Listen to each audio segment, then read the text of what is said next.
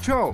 Ja arī tevi interesē uzturs, tad tu esi īstajā vietā un laikā. Klausies Kristīnas Podvīnskas podkāstu par uzturā aktuāliem jautājumiem.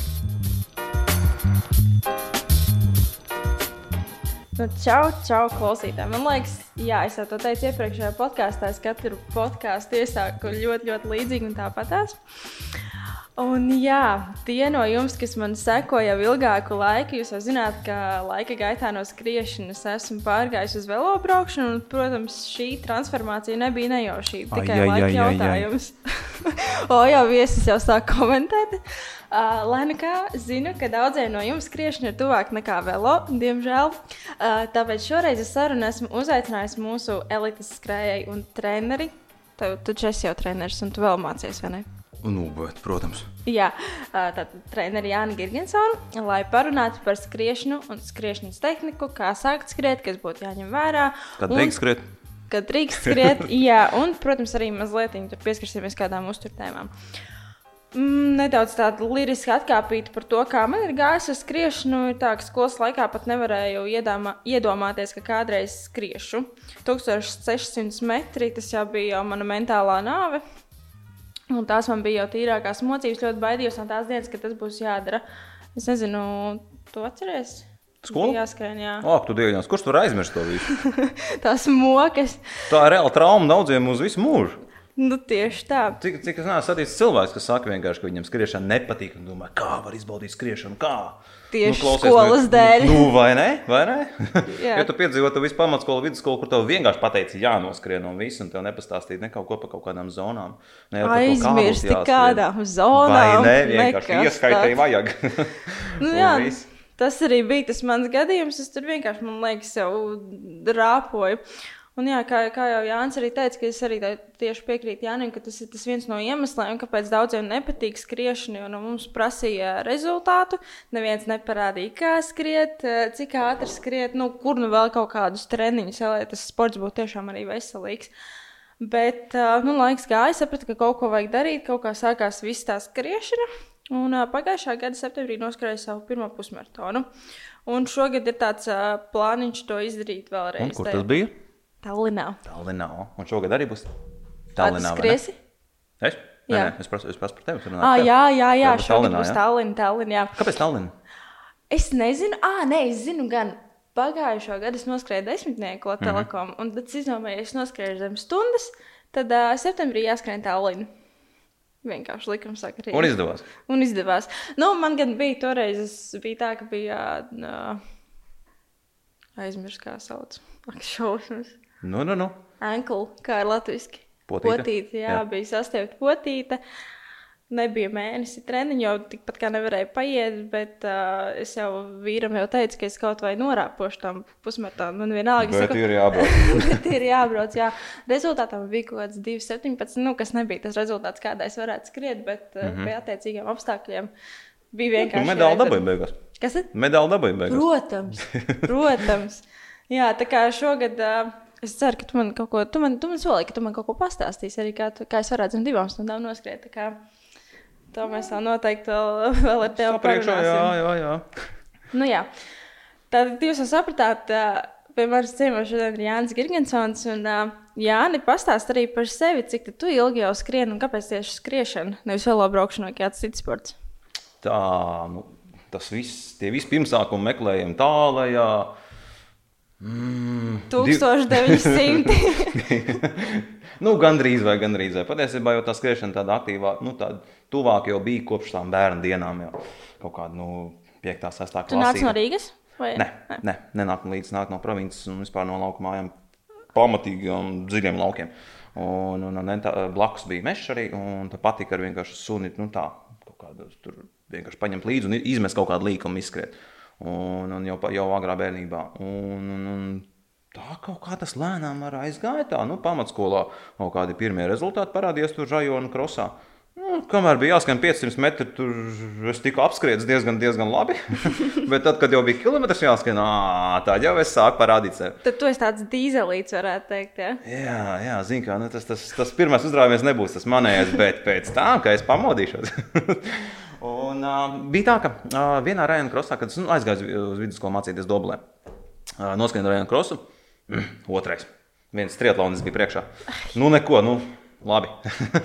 Pienāk pie manis klāt treneri, mana pirmā treneri. Un tajā brīdī viņa vēl nebija treneri, mana, bet uh, uzrunāja mani. Un, nu, gribēja, lai es atnāku uz stadionu, viņa pasaka, nu, es gribu redzēt, kāds, kāds tu izskaties. Es tur pastāstīju uz viņu.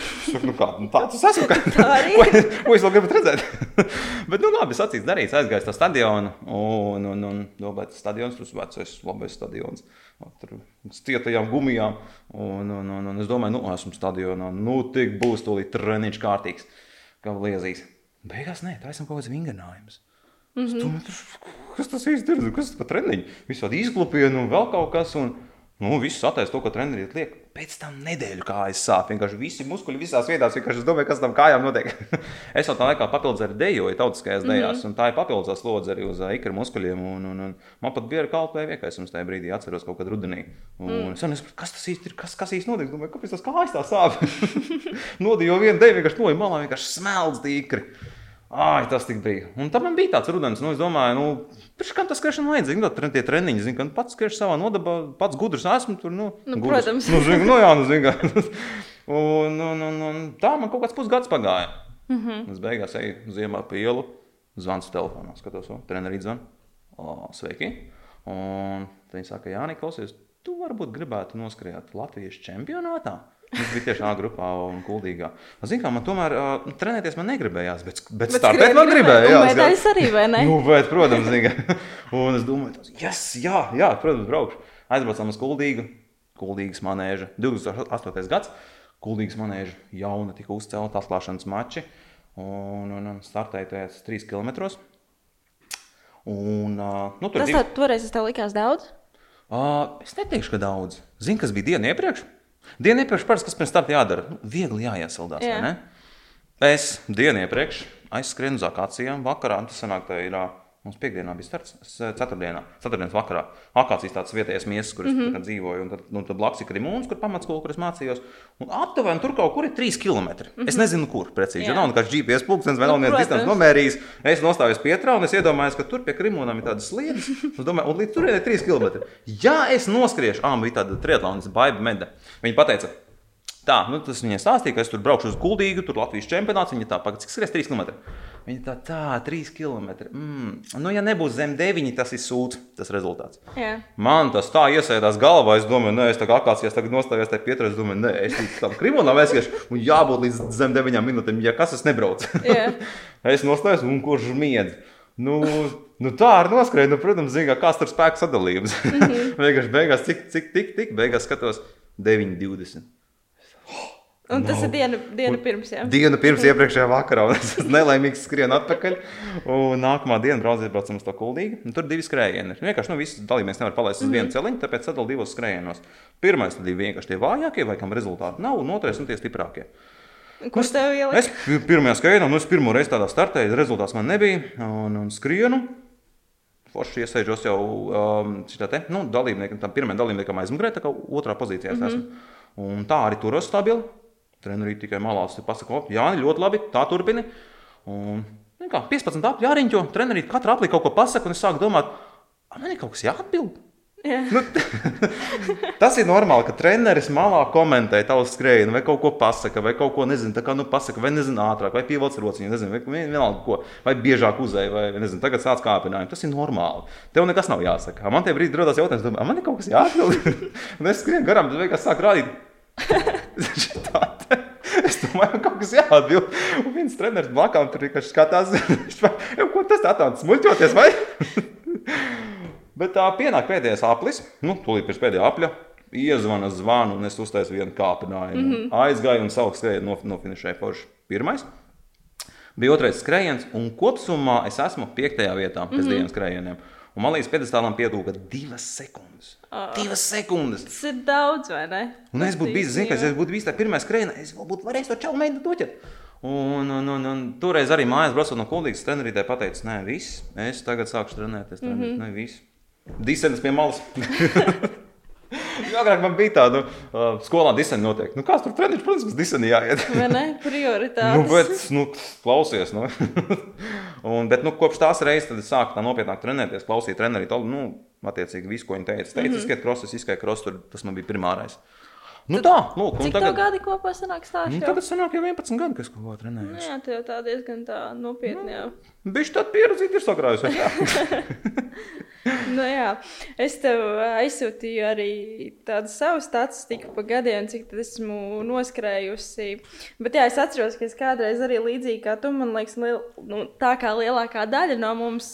Standartiņš ir tāds 5 km, un tik gāzējām, jā, izējām ārā bez iesildīšanās, bez Maksimāli, bez nekā. cik var uzreiz Cik vari. un no sākuma. Jā, jā. no sākuma, Kāda jā. tur iesildīšanās uzreiz? uzreiz tik gāzēja. un Tad galvenais vienkārši, ka tikai ir ātrāk nekā iepriekšējā dienā. Nu, diezgan tāda klasika. Bet uh, es tev aizsūtīju arī savus tos kilometrus un laika ziņā, kad uh, tad 18. gadā, kad es sāku gatavoties, sanāk kaut kādā februārī, laikam. Ah, nē, tas bija 31. decembris, 17. gada 31. decembris, kad es izdomāju, ka kaut kas ir jāsāk atkal darīt. Tad par to gadu man sanāca 1271 km un stundu ziņā 197 stundas, 44 minūtes, 53 sekundes tikai, tikai skriešana. Uh, nu jā, tad es attie attiecīgi arī mētiecīgi trenējos tiem 10 km, 10, 10 km distancē, pēc tam arī pusmaratonam. Kā tev liekas, nu, no cik stundām tad uh, īsti skaitās tāds izturības sportists skriešanā? Nu, gadu, gadu tas ir, griezumā. jāsaka, tas ir tāds uh, stiepjams ēdziens, izturības sportists. Tāpēc, kā nu, izturībnieks, tas ir tas, kas skrien garās distances. Un garās distances sākās nu, no jau ne 3 km, jau, no 5 km sākās. Un, Tā būs garā distance, 5 km. Jā, Jā? jā? trīs ir kā jau sāk pieskaitīt vidēji distancē, tāpēc, ka veids tādā ātrumā, kas jau ir. Jā. Un, un, un, un, tā kādreiz trīs bija garais, bet tagad no 5 sākās oficiāli garās distances. Nu, ja tu skrien 5 km un tos 5 km arī veids, tiešām skrienot, nu, tad tu esi strības pārstāvis. Mm. -hmm. nu, lai arī cik nopietns. Un, Nu, vai tu pirmo reizi skrien, vai tu jau kaut kādu desmito reizi skrien? Bet, nu, es gribu rezultātu, cik stundas gadā man vajadzētu trenēties tieši skriešanu. Mm, redz, tur jau tā lieta, ko tu dari ar tām stundām. ka Skrienu. Tu, nu, jā, bet, bet kā? Tur jau tā lieta, ka tu tos kilometrus vari tikpat labi, 10 km. Tu vari vienkārši vienmērīgi noskriet, bet tikpat labi tu vari lēnām iesildīties, sataisīt kāpinājumus iekšā vai tempa skrējienu, un pēc tam atsildīties. Nu, kā, kopumā- nu, tā kā normāla treniņa, gan bāzes daļa, gan intervāla daļa. Nu, redz, tas ir atkarīgs no tā, kāda ir iepriekšējā trenētība Jā. un kam vēl arī gatavojās. Nu, Jā. kā, kā Nu, manā gadījumā. tavā gadījumā. Pa maz Tu bija. domā par, par, pusīti, domā, vai Jā. jeb, jeb, jeb, Bet, nu, man, nu, sākumā īstenībā reiķināsim uz desmit vidēji. Nu, lielākā daļa bija trenēta, gatavojoties desmitniekam. Desmitniekam? Nu, stiepjams ēdiens, jāsaka, desmitniekam gatavojoties. Tāpēc, ka, zini, uh, nu, minēšu vienu piemēru. Uh, Rīga Valmiera. Mm. -hmm. nu, zini, tās skrējienu. Es kādreiz gribēju piedalīties. Nu, īsti nē. Nevajag pagaidām arī. Bet man ir jā, paziņa lokā, kas ir. Jā. Es zinu, man, man arī ir. Un es vienam, es vienam prasīju, saku, klausies, jau, kā tu viņam gatavojies? Es domāju, nu, tas ir 107 km. Kā tu viņam izteici? Viņš saka, nu kā, es vienkārši nezinu. Nu, es tur reiz, nu, nedēļā tur pāris reizes patrenējos. Es saku, cik, cik? Nē, nu, es tur daudz bieži netrenējos. Un, un saku, nu, un pēc Rīgas valmēra tu noskrēji? Jā, noskrēji. Nu, un kā? Es saku, kā es nebiju beigts? Nē, nu, tur divas dienas, un bija jūtīgāks, bija pēc tam viss kārtībā. Es tur kā? un tad es sāku domāt, prasu viņam, ko viņš tur vēl dara. Viņš dejo. Jā. Un tad es sāku saprast, ka principā vēl kas ir atkarīgs arī Redzi, ā, par to slodzes daudzumu, kādu mēs varam uzlikt tam organismam mm. virsū. Ir. Mums jāstāsta, cik daudz organisms ir kādas slodzes gatavs panest. Ja mēs labi spējam adaptēties šai slodzei, ja mēs labi atjaunojamies no tās slodzes, nav problēma liekam virsū vēl. Ja mums sāk parādīties savainojums, tas nozīmē, ka slodze ir par daudz, mēs Jā. nespējam atjaunoties. Tāpēc tas ir tāds stiepiens, jēdziens, tur jāskatās katram zin, kā cilvēkam individuāli. Apmēram. Ā, Tikpat labi var pateikt, piemēram, maratonam gatavoties. Nu, būtu forši, ja tu ieskaiti, jā, nezinu, kādā nedēļā 200 km, piemēram. Mm -hmm. 200 km labrīt. Ja cilvēks nezinu, ne, nesen sācis skriet gan izvēlēt, tu viņam nedos 200 km nedēļā. Protams, viņš atmetīsies. Jā, nu pat ja cilvēks skrien 10 gadus, apmēram zin, kā, div- 200 km iedot noskriet, nu, tāds trikīgi variants patiesībā. Tur viegli satraumēties pie tāda apjoma. Ir. Nu, labi, 170. Nu, vienalga, zin, kā, ja viņš ir skrejis maksimāli 80 km nedēļā, piemēram, un pēkšņi iedod tagad 100, nu, div, divreiz lielāku apjomu. Nu, vajag uzmanīgi jāskatās. Mm. Nu, tāpēc, tāpēc es saku, tas ir tāds, jāskatās no tā, ko cilvēks ir iepriekš darījis un kam ir gatavs. Nu, piemēram, arī uh, balstu un kustību aparāts ir vienkārši jābūt labi attīstītam, lai tu to slodzi liktu virsū. Un sanāk tam puisim, tā, ar ko es runāju, kas, kas noskrēja, kas ir tautiskais dejoja, nu jau kādu, nu, jau nebija jau kādu pirmais gads viņam. Bet viņam vienkārši labi, labs kājas nostiprinās, pēdas un labi tonizētu un ikra muskulis un apsver. Un tāpēc viņš arī var tur ilgi, ilgi zina, kā tur uz tās distances būt, uz tā ceļa vienkārši tur visu nakti skriet un, un, Nākamajā, nākamajā dienā ir ies- ierasties tajā Valmērā un sveiks. Un vēl tautas dejas vēl nodējos. Jā, un pēc tam iet dejot un vispārējo darīt, zin, kā priecāties, un, un, un viss ir kārtībā. A, tāpat laikā man arī nu, bija tāds puisis, kas sazinājās, man vienkārši uzrakstīja Facebookā, prasa man, Jāni, kādus tu apavus iesaki? Tā, paga. Kā, kāpēc tu man prasa par kaut ko apaviem? Es, nu, kā, kas noticis? Nu, es tur vienu dienu skrēju, un man tur sāk sāpēt viena pēda, un zin, kā, tur otra pēda sāk sāpēt. Es domāju, tas man dēļ apaviem. Es kaut kādus vecus apavos skrēju. Es saku, tā, pagaidi, ko tu skrēji, kā tu izdarīji? Es saku, nu, kaut ko pastāsti vairāk. Mm -hmm. nu, viņš stāsta vairāk. Tā, nu, es izdomāju, vienu dienu noskatīt desmitnieku. Aizgāju tur, uzvilku savus ķēdes kājās un sāku maukt. Nu, Prom atpakaļ. Jā. Aizskrien tur pirmie 5 km, un kaut kas sāk sāpēt viena pēda. Viņš saka, bet, nu, zini, kā pēda, nu, tas, tā, tā skriešana, tā ir nu, cīnīšanās ar sāpēm. Viņš saka, nu, es neņēmu vērā, es domāju, nu, ne, man jāskrien tālāk. Ir pēc 7 km pienāk, un viņš saka, sāk sāpēt otra pēda. Un viņš saka, bet, nu, ko tu trīs vairs tikai palikuši, nu, es tur nocīnījos līdz galam. Mm. Nu, beigās uz divām nedēļām, nu, tas pēdas ir tik daudz. Tik daudz savainots, ka uz divām nedēļām viņš nevarēja pastaigāt kārtīgi, viņam mm. vajadzēja ārsta palīdzību. Un pēc mēneša bija tā kā atpakaļ. Un, un, un, lūk, un ko nozīmē, kad tu mēģini izskriet kaut vai tikai 10 km? Nu, labi, es tā kā pateicu 10, citam tas, citam tas būtu daudz, citam tas ir maz. Bet, uh, ja tu neesi gatavs, tad lūdzu, galvenais ir principā tā organisma gatavība panest šo slodzi. Un no tā izrietot, mēs varam uzlikt virsū attiecīgi kādas slodzes, nu, skatoties no tā, tā kā reiķinam tad uz priekšu. Un tad viņa gadījumā būtu bijis tiešām vajadzīgs, nezinu, kaut kāds nu, trīnīts un pa mīkstu segumu jāskan, piemēram, un tad tā pakāpeniski kāpināt to tēmu. vismaz tik daudz kā botas vienkārši uzvilkt, iziet ar viņiem pastaigāt. Arī, arī, jā, jā, un nu, ne jau tur pasaules reizes tāds, ka, bet nu, labāk, nezinu, kaut kur nu, mežā vai aizēju uz pludmali, piemēram, kur līdzena pludmali nevis slīpa. Un pa turieni paskrien, nu, un arī nesāc uzreiz kaut kādu, nezinu, iedomājos, tur Rīga Valmiera. Nu, jā, tu pats neizdomājies Rīgā Valmērā? Ne. Ne? Nē, vēl nē. Tas nav. E, Man, man vēl nav, nav tas pienācis brīdis, kad es tā baigi gribētu eksperimentēt un kaut ko baigi pierādīt. Man ir tas mans maratons, kurā es vēl gribu izskatīt savu rezultātu, pusmaratons, kurā es gribu izskatīt, un es zinu, ka tas prasīs daudz darba un daudz, daudz pūliņu būs jāiegulda. Uh, tam visam pa vidu vēl maisīt tāda Rīga Valmiera. Nu, es noskriešu, nu, es, es nešaubos, ka es noskrietu. Mm -hmm. nu, noskriešu, nu, nezinu, būs tam visam saks, nebūs tam visam saks. Nu, kāds no tā visa man būs tas iegūms, es pat nezinu. Es labāk mm -hmm. noskrienu labu, ātru pusīti nekā nu, Rīga Valmiera. Nē, Nu, Es nu negribu tur baigi tur pasākumu, tā kā zina, kā kaut kāda nereklāma, nu, zina, kāda melno reklāmu uztaisīt. Bet uh, vienkārši tas ir vairāk runa ir par to, par to slodzes uzlikšanu savam organismam. Nu, es, es vairāk gribu sev pierādīt ar tajā distancē un par tiem mērķiem arī tā kā mm -hmm. vairāk runa nekā tur vēl. Jā. Nu, redzams, tas diezgan pagājuši ievads sanāca. Uh, īstenībā tu jau gandrīz, uh, jo mēs izrunājām atbildi uz tādu vienu no biežākajiem jautājumiem, kas bija, kas tad ir tās biežāk pieļautās kļūdas, uzsākot skriešanas treniņus un kā tās nepieļaut un labot. Tā Tas viens bija, kā nesāk gāzēt uzreiz, un varbūt tur ir vēl kaut kas prātā. Nu, Tas būtu principā, nedarīt. galvenais ir tas, kas, kas, kas, kas pamatā principā, ir viena no tām lielākajām kļūdām, ir vienkārši nesamērīgas slodzes uzlikšana. O, Sāku skriet šajā mēnesī, nezinu, pienāk februāris, o es tur abonementu esmu nopircis kādā klubā, tagad es līdz tam kaut ko daru. O, būs marts, skatos, o, Stīrna Boks, skrien Latvija, o, jūnijā Rīga, Valmiera, vispār es ielieku kalendāru. Ja tu sāc tūlīt skriet, neliec kaut kādu kalendāru. Mm -hmm. Ja tu pirms tam neizskrējies, ja tu kaut neko darījis, principā, kas iesaistīt kājas vairāk, un tās kājas nav nodarbināts, nav pieradušas pie slodzes, jāsāk pamazām. Un tad es pat ieteiktu kaut kādu treneru, principā. Kaut vai, kaut vai nu, nu, pirmo pusgadu pastrādāt to treneru. Vismaz, lai tev kaut kādas vingrinājums parāda, kaut ko pamāca. Nav jau tev pie tā trenera mūžīgi jāpaliek. Nu, galvenais ir vienkārši nu, to sākumu zināt. Vismaz saprast? Jā, nu, zini, kā lai tev tā kā, nu, tā kā ie- ieved tev tajos ceļos iekšā, parāda, kā kas jādara, un, un, un, un tad pēc tam pats vari rīkoties tālāk. Nu. Vai tu pats savus slodzes plāno, vai tu zini pie kāda cita trenera, un tā jau tā brīva izvēle ir. Nu, tas ir atkarībā no tā, kāds tev tas mērķis ir. Vienkārši uzturēt tur fizisko tādu sagatavotību un, un, un, un, un Nu, tieši tā, jā, kā, kāds ir tas mērķis. Jā. Tā kā es arī vienu vien paziņu, no es pēc tam atrunāju no Rīgas Valmiera.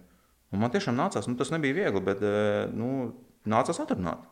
Un Tāpēc tiešām viņi bija salikusi kalendāru tādu, un es esmu pilnīgi brīnījos. Domāju, pats viņš to sasacīs, viss pēc kārtas. Nu, labi. Uh, var jau startēt katru svētdienu kādā skrējienā ar nosacījumu, ka tas nav maksimāli. Mm -hmm. Tikpat labi tu vari to skrējienu noskatīt mierīgi. Piemēram, nu, startēt te Rīgas maratonā 10 km, bet skrien tā, no svilpodām, piemēram, tā kā tu vari sarunāties. Zedivi, ja? Nu. Nu, jā, jā nu, tad nav problēma. Tu, tu skrien katru, katru nedēļu, lūdzu, brauc, kur vien gribi. Bet, ja tu skrien ar maksimālu atdevi, tiešām, kas ir, nu, ir aero, anaerobā zona, jau tur iekšā, piemēram, iekāp iekšā tādā, tādā distancē, nu, tad, zini, būs vajadzīgs laiks, lai atjaunotos. Tad nevarēs katru nedēļas nogalu. Un tad būs bijis, zin, kā vajadzīgs kaut, kaut kāds tāds, nu, sadalījums slodžu. Nu, nu, nu, nu, nu, jā, nu, vienkārši viņi bija salikusi visas tās sacensības un arī Rīga Balmeris. Domāju, oh. Un trakākais tas, ka cilvēks ir tāds, ka uh, tu tā kā, nu, centies labu, uh, labu vienkārši pateikt, pasaki nē, un iespītējās. Un saka, nē, jau tāpēc, ka man teica, nē, es tagad startēšu, mm. un es tagad darīšu. Un es tāds, ah, kā tam jautājumam pieiet pareizi. Bet beigās, beigās, nu, tomēr, nu, ieteicu, tomēr, nē, nu, teicu, nu, man nostāja tāda paliek. Un es saku, nu, tu esi pieaugušs cilvēks, tu vari darīt, ko vēlēsies. Bet, nu, es neiesaku. Un beigās tomēr paklaudu. Nu, tā kā, nu, nonācām pie secinājuma, ka nevajadzētu. Un Labi vien bija. Labi vien bija. Nu, klausies, tev arī noteikti nāk, nāk pie tevis dažādi cilvēki, un noteikti kādiem tu droši vien pasaki, ka varbūt skriešana nav īsti viņiem. Savā praksē ir gadījies, jā, ka sastopos ar cilvēkiem, kuriem es tomēr saku, nu, klausies, skriet. Ej, mājās. Nav tev, jā, un tu pat nedrīkst no, tas, tas, tas, darīt. Tā, tā teikt, nedrīkst. Tā teikt, nedrīkst. Tas ir. Nu, jā, bet uh, tīri domājot no tāda veselības viedokļa, bet. Uh, nu, kuri tad īsti cilvēki drīkst skriet. Nu, kā tu novērtē, ka viņš var skriet, un, protams, tā pati skriešana ar lieko svaru. Mm -hmm. Kādas ir tās tavas domas par to? Nu, lūk, man viens paziņa arī. Uh, skatās, bija kaut kāda reklāma, vien, kurā viņš tur filmējās. Viņš pasakā tādu frāzi, o, skriešana domāta visiem. Es te brīdī domāju, nē, nē. nē. visiem nē. Un tiešām saku, ir tie, nu, varbūt tās situācijas tiešām ka labāk nesākt ar skriešanu. Uh, ja, piemēram, aerobās spējas vai tas darbspējas ir ļoti zemes, nu, tu sāc jau tu aktīvi ejot, jau, jau esi aerobās zonā, jau tūlīt tuvojies gan mm -hmm. anaerobās zonai. Nu, tad tu vēl papildus skriet, sākot, nu, ne tikai radīs to papildus slodzi tām locītavām, bet arī nu, tu jau būsi anaerobās zonā iekšā, un tas tev nebūs nekas, nekāds izbaudāms process. Tur paskaties tos dažus, dažus metrus, un pēc tam tu stāvēsi un atalposies. Un pēc tam mēnesis neskries. Jā, zinu, kā metīs to siešanu pie malas, botas metīs, nezinu, kaut kur. Kā tā? Jā, un viss zina, kā. Bet uh, tur jau tā lieta, skatoties no situācijas.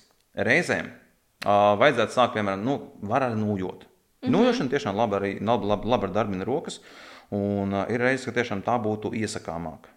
Tāpat laikā, kas, kas, kas notiek ar skriešanu? Nu, piemēram, ja gribas ļoti skriet, labi, ja tu nevari, piemēram, noskriet, nu, kaut kādas, nezinu, piemēram, tas pašs 15, 20 minūtes, piemēram, nu, vienā laidā, piemēram, tas ir pa grūtu.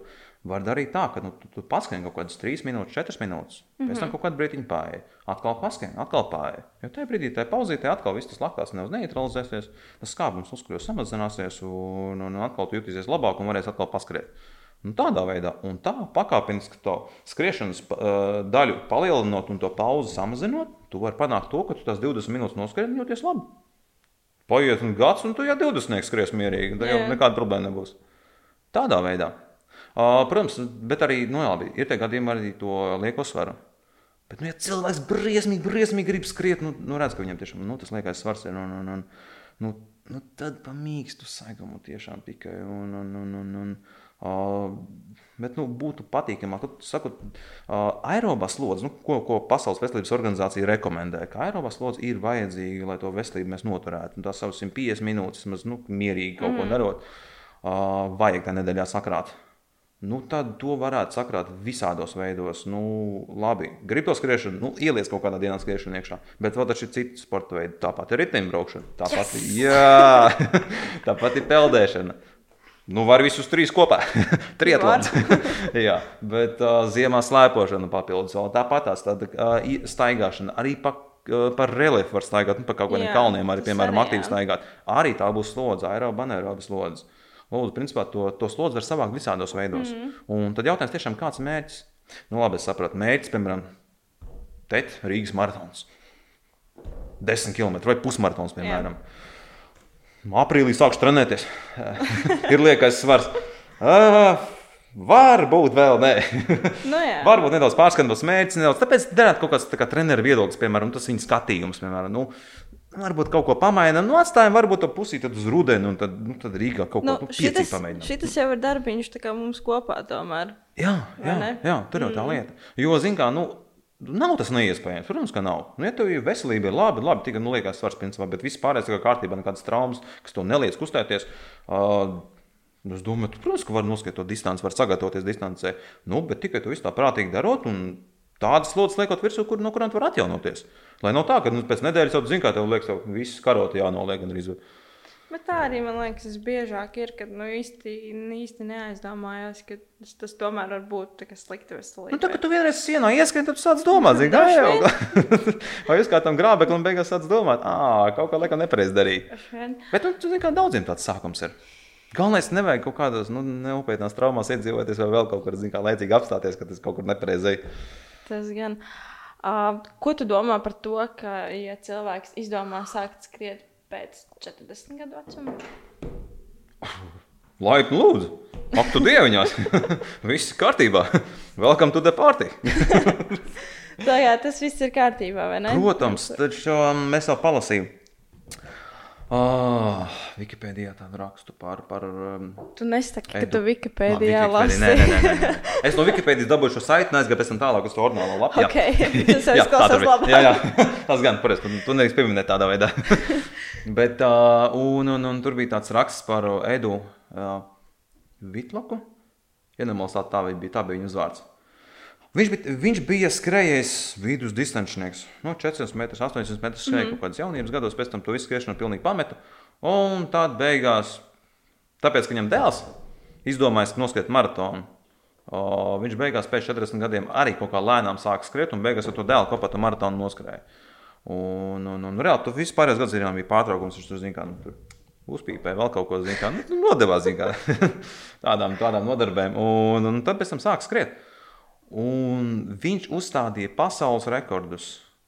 Uh, Skrēja attiecīgi, ja nemaldos, tas bija arī zem 50 gadiem, bija zem 60 gadiem, mm -hmm. zem 75 gadiem, uh, 70 gadu vecumā. Viņš pat 70 gadu vecumā noskrēja ātrāk par.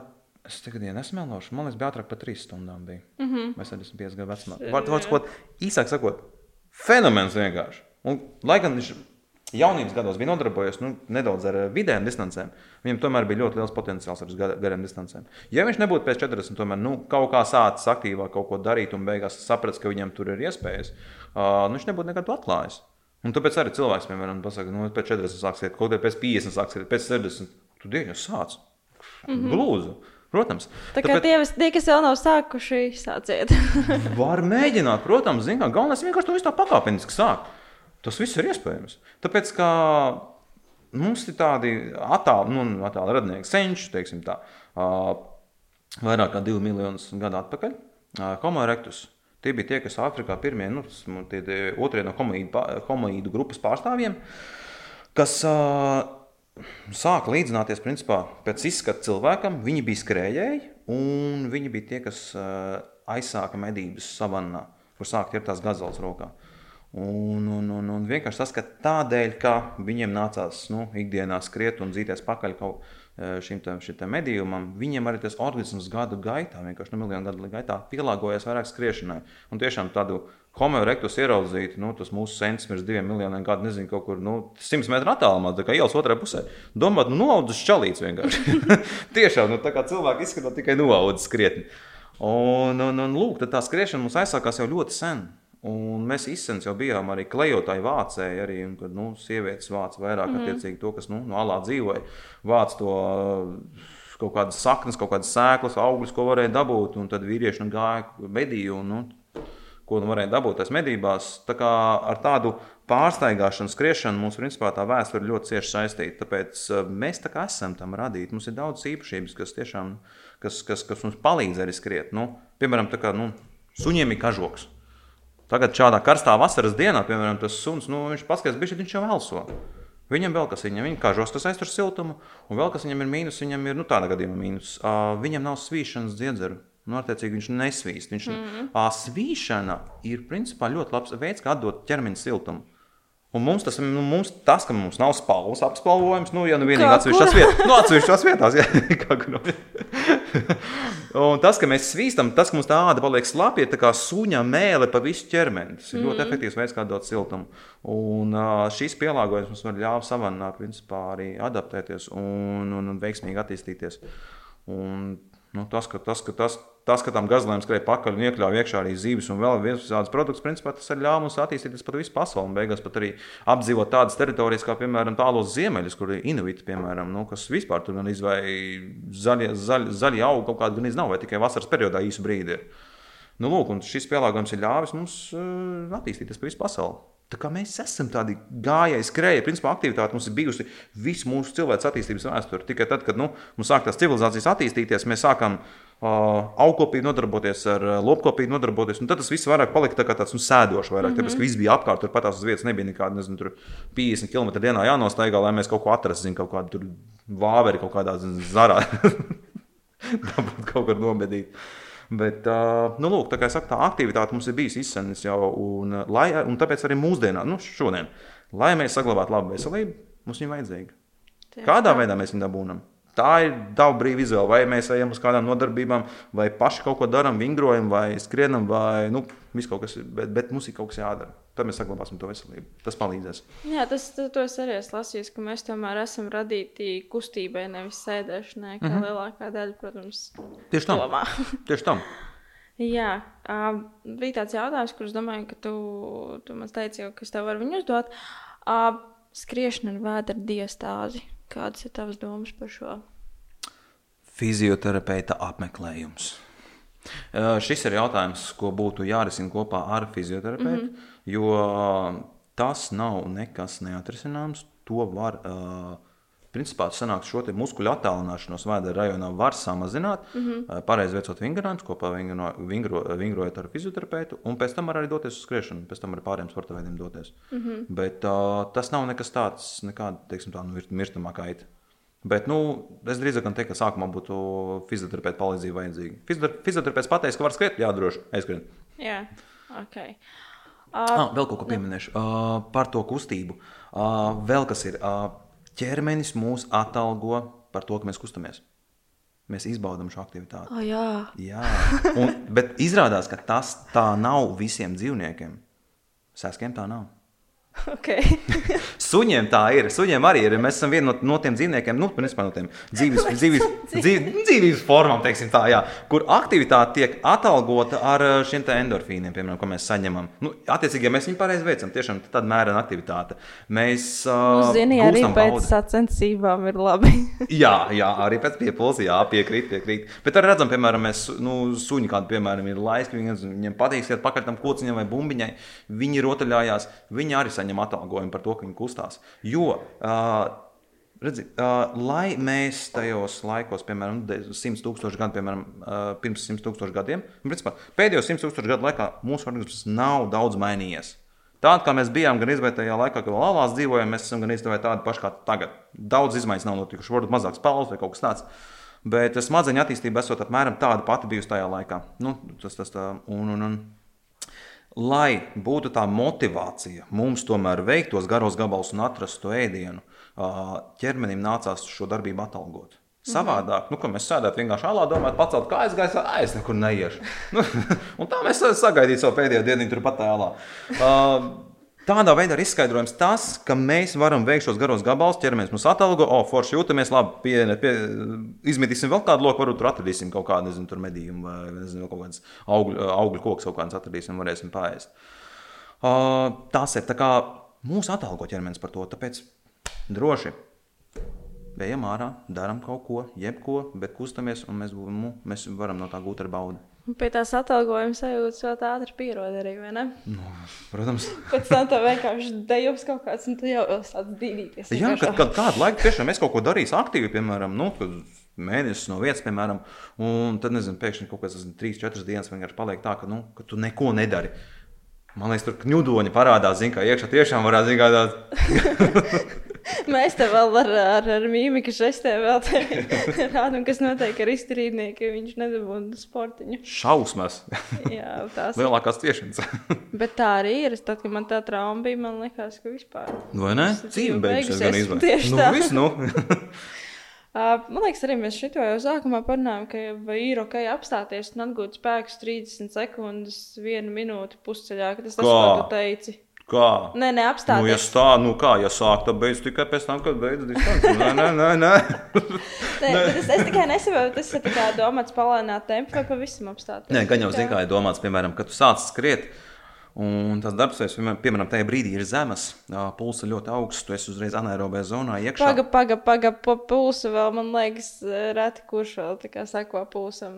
Nu, bet ir tādi, Nu, kas sako, kas ir seko, tādi, kas jā. tagad, tagad jau daudzās viedierīcēs patiesībā ir nu, pulsu mēri, piemēram, aprocēs jau Kā? parādās optiskie. Nu, lai gan tur bieži vien melo, bet, bet, bet, Nu, jau, bet jau jā, parādās. jā. ir Tā kā priekš, priekšstats kaut kāda ir jau daudziem cilvēkiem par to pulsu. Kaut kas, kaut kas parādās. Uh, protams, ja tu paskaidro, tu jūti, ka tev vajag apstāties, jā, pāri apstāties. Tev nav sevi jāmok, nezinu, tās visas 20 minūtes, kuras es paredzēju tajā dienā skriet. Tu vari mierīgi tiešām kaut kādas dažas minūtes paskaidrot, pēc tam apstājies pāri mierīgi, atkal paskaidrot mm -hmm. pāri. Viss ir kārtībā ar to, protams. Un kā jau teicu, tad vienkārši lēnām, pamazām palielina to skriešanas intervālu un samazina to atpūtas intervālu, to iešanas in- intervālu. Un beigās jau varēs vienkārši visas tās 20 minūtes noskriet mierīgi. Vienkārši pakāpeniski tas jādara, tas ir normāli. Jā, tā kā nav, nav ko baidīties. Nav sev, nevajag sevi uzskatīt par vāju. Nē, nevari vajag sev vēl norakstīt. Um, kā pātrināt tempu un paildzināt distanci? Lūk, šis, jau, šis bija jautājums, kurus tā izlasīju, un es tā sāku domāt, tas, kas tur īsti domāts? Kā pātrināt tempu un paildzināt distanci? Tas, principā, ā, skrienot. Nu, jā, Ja runājam par precīzu skriešanu, skrienot. tā. tā ir tīra izturība. Nu. Tu tu domā, tā kā, cik ilgi var noskriet? Kā, nu, Es, es arī li- arī lielākā ātrumā. Ā, Ķermenī notiek adaptācijas, un principā daudz adaptācijas notiek vienkārši gadu laikā. Tā kā tu ar savu, piemēram, savu maksimumu var sasniegt tā, tādā veidā, trenējoties izturības sportā ap- aptuveni pēc desmit gadiem. Tas nebūs tā, ka tu pirmā, otrā vai trešajā gadā sasniegsi jau savu maksimumu. Tu vari vēl un vēl principā, attīstīt sevi, kā ko desmit gadus mums vajadzīgi. Tad, tad tu vari kaut kādu pīķi sasniegt. Jā, tas, tas īstenībā ir tas, tas, ko es brīžos no sevis baidos, ka es nu, tikko, tikko sāku, un tad tā, tu nobrauc tā kā 50 km, liekas tāds, wow, nu tas jau ir daudz.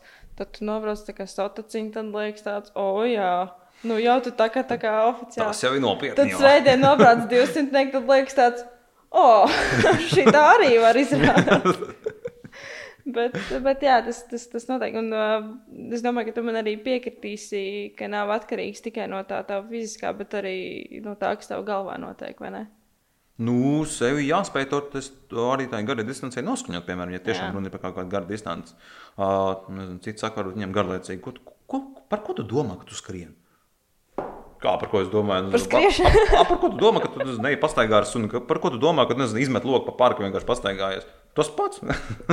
Jebkādi jautājumi, jeb, jebkas vienkārši. Nu, par ko tu domā, ka nezinu, sēdi divā, neskaties griestos? Uh, patrāpījās arī kādi jautājumi tā kā tieši, tieši par uzturu. Viens bija par to, vai vitamīnu dzeršana uzlabo sniegumu, un uh, par L-karnitīnu lietošanu pirms sacensībām. Uh, Paskatieties, iepriekšējos podkāstos uh, esmu jau par to runājusi, un, un visu pārējo. Bet, uh, Jānis, kā tev, kāda tev ir attieksme pret vitamīniem? Es teikšu tā, ka vitamīna ēšana uzlabo sniegumu. Jā, Tur, kur viņi attiecīgi dabīgi atrodas. bet uh, tagad, nu, uzturpagātnētāja veidā, Uzturbākādā veidā. Nu jā, Tikai tad ārsta norāda. Jā. Tas ir kaut kāda gadījuma. pēc analīzēm, vai ne? jā, tad, tad jā, kaut kas ir pazeminās, tad, tad, tad lieto. Nu jā. Bet tā, kaut ko savu galvu, es kaut ko lietoju, jā. Nav attaisnojies.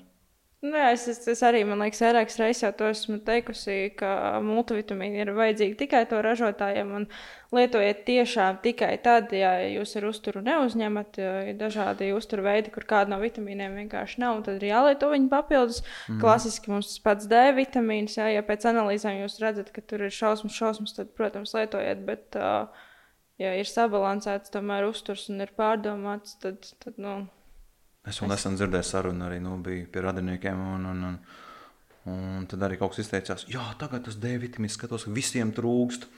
Nu, laikam arī kaut kāds bums uztaisīt, nu, tagad, lai tos produktus nopārdotu.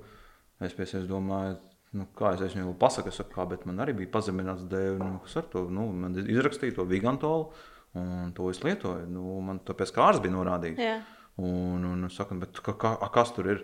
Un, un, un, vēl es minu vēl piemēru ar to, ka man bija arī nu, viena meitene, kas trenējās pie manis, viņa arī bija nu, tāds, nu, pagurums, nu, kāds nogurums bija, mm -hmm. nu, tā, tā kā panīkums. Viņas nevar saprast, kas īsti ir. Aiziet uz tās analīzes, beigās skatās, tiešām devīti, viņas pilnīgi vēl apakšējās robežas, jo tur jau deficīts. Un viņi arī, nu, sāka lietot to, ko ārsts bija norādījusi. Pāris nedēļu laikā viņi saka, uzlabo, uzlabojas pašsajūtas. Tā kā tas D vitamīns ietekmē to pašsajūtu. Tā ir. tā. Tas nebūs tā vienkārši, viņš to nezina. Tur būs vienkārši tā kaut kāda nezinu, mistiska norma izdomāta vienkārši paaugstināt tikai tāpēc, lai tagad to produktu pirktu. Jā. Nē, mums vienkārši tas vitamīns ir pazemināts. Nu, ja, mēs, ja, loģiski. ja mums, ja mums nezinu, tā vasara būtu piemēram 9 mēnešus gadā, nevis tikai 3 mēnešus gadā, Pat par to vasaru mēs arī neko īsti nedabūjām. Nu, jā, nu, tagad iekšā sēžot, zinu, kā mums kaut kā viņš tur nesintetizējās tik ļoti daudz. bet, bet, jā, noteikti vienkārši. Bet, prot, protams, jā, es domāju, Jānis arī piekritīs man, ka sportistiem ir augstākas un lielākas prasības nekā cilvēkam, kuram nav tā fiziskā slodze. Vienkārši sakojot līdzi un par, par to pašu L-karnitīnu un daudziem citiem uzturbagātinātājiem. Jā, es noteikti pievienošu arī linku pie, pie šī podkāstu, tad, lai to jūs arī varat, varat arī noklausīties. Kā jāelpo, kad skrien? Gaiss ir jāievelk un pēc tam jāizpūš. Tā vajadzētu to darīt. Īsi un Nu, Tas tā, zin, kā, ja konkrēti. nebija skaidrs līdz šim brīdim. Bet, uh, jā, es esmu dzirdējis visādas tās tehnikas, ka tu nezini, uz katru otro soli ieelpo, uz katru otro soli izelpo vai kaut kā tā. Personīgi es nekad neesmu piedomājis vispār pie elpošanas. Nekad, kā es esmu skrējis, tā es esmu skrējis. Trūkst tas gaisa, tu viņu velc iekšā. Nevajag to gaisu, tu tev elpošana palielinās. Vienīgā reize, nezinu, kad es piedomājos pie elpošanas, es tiešām es esmu satraucies, varbūt mēģinu sev nomierināt. Tad Tā kā padomāju, tagad, jā? Hm? Tā kā tagad. Tā viss kārtībā. Nu, jau satraukums jau aiz muguras. Bet, uh, nu, jā, nu, arī man treneris bija ieteicis, nu, viena tāda metode, ko, var- ko var mēģināt, kad, piemēram, samazini ieelpoto gaisa daudzumu. Tas sanāk tā kā mm, divas ieelpas uz trīs izelpām, vai viena ieelpa uz trīs izelpām. Un uh, doma ir tāda, ka tu tā samazini to skābekļa daudzumu, piemēram, skrienot, uh, lai tu imitētu augstkalnes efektu, kur tas skābeklis ir mazāk. Uh, vienu treniņu es tā pamēģināju, beigās, Otru nē. beigās nospļāvos un viss, un nekad neesmu atkārtojis. Tāpēc, kā tik apnicīgi bija skriet, man liekas, ka lielāks iegūms ir tad, ja tu jūties labi un noskrien vēl šī vairāk, nekā tad, ja tu šādi tādā veidā sev moki.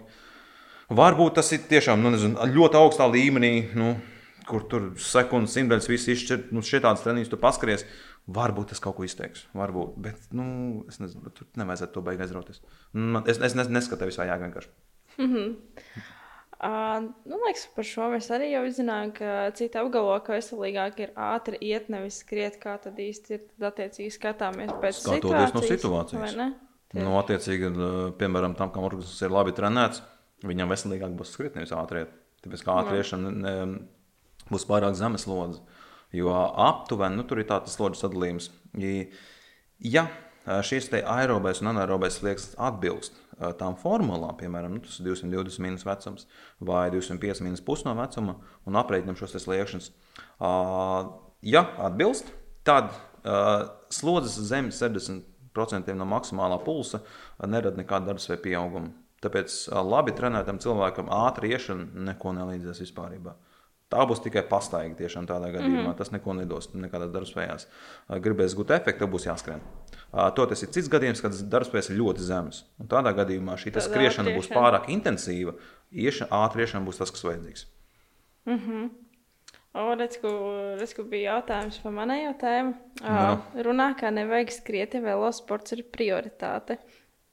Tā ir, ka traucē, bet nav, nu jā, nav runa par Nu, triatlonu. man, piemēram, skriešana ir prioritāte, tāpēc es ziemā neslēpoju. Es skrienu ziemā. Lai cik slidens vai lai kāds, es skrienu. Un uh, iemesls ir tāds, ka, labi, varbūt tagad, uh, tagad jau nu, neslēpo, vairs klasi, klasikā. Uh, bet uh, atceros, ka kaut kādās skriešanas sacensībās atbrauc kaut kādi slēpotāji. Mm, un, un, un nu, tādi stīvi skrien. Nu, tā, rokas gar sāniem, gan drīz vai. Un, un, un, un treneris saka, ka tie jau slēpotāji. Nevar rokas pacelt. Un uh, vienkārši tas, ka nu, tev tā bija tehnika mainās, ja tu sāc kaut ko citu piekopt. Un tāpēc tas, ka es tā maksimāli sev attīstīju skriešanā, tāpēc arī ar citu kombinē, ko, sporta veidu nekombinēju kopā. Nu, ja vienīgi ir kaut kāds savainojums vai kas, tad es, piemēram, izmantoju riteni, mm -hmm. lai aerobās lodes būtu. Bet uh, tā es pamatā visu laiku skrienu. Tāpēc arī, nu, ja tiešām tāds konkrēts mērķis ir kaut kādā vienā sporta veidā attīstīties, nu, tu īpaši nemiksēsi kopā neko citu. Ja nu vienīgi tas ir triatlons, nu tad jāmeklē. Tad nav, nav, izv nav, Nu jā, izvēles vai, iespējas. vai, vai, ja tas ir off-season vai ne? Jā, Tad jā, tad-. Pamīties ar riteni mierīgi, protams, tad jau nekāda problēma. Pamīties. Poskrien. Nē, mēs nekaujamies. Tā kā Viss ir, viss, viss ir ļoti mierīgi. Jau tā Mēs cekla par lido pa gaisu. Dakšiņas karotīts jau sāk lidot. Um, arī šis tāds, man liekas, mēs arī par šo jau, jau, jau runājam, kā uzturēt izturību. 500 metri un mēlē līdz zemē. Skrienot. Tiešām, es ja, ja, ja tas jau pēc 500 metriem, man arī, piemēram, bija. Uh, dzīvoju dienas viesnīcā Torņkalnā, un, un, un kas studēja. Un, un, un, un, un tur dzīvoju kopā ar vienu vien čali. Istabiņā, kas arī, nu, skriešana bija pilnīgi uz jūsu vispār. Jebā. Tāds šachs. Kas ir skriešana? Viņš, viņš ar sportu nodarbojas, bet viņš, ir šachis. Un, un, un, un, un.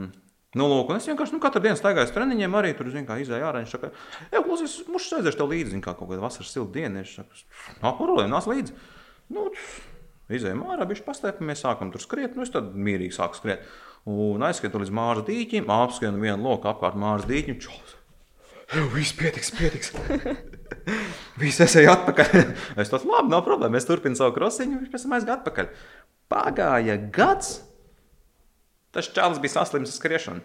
Mm -hmm. Jā, uz Tirnu buka abonements, tur skrien Latvijā abonements. Rīga div- vēl bija. Jā, nu, gandrīz vai mierīgi jau skrien savā nodabā, tur 20. Un tagad, principā, viņš ir tajā skriešanā iekšā pilnīgi, nu, kā saka, līdz ausīm. Un, un, un viņam tas viss patīk, viņš to visu izbauda. Skatās kaut kādas plānas, kaut kur meklē, kaut ko nu, tā kā trenējas, gatavojas arī tā mētiecīgi. Un, un tiešām prieks par viņu ir.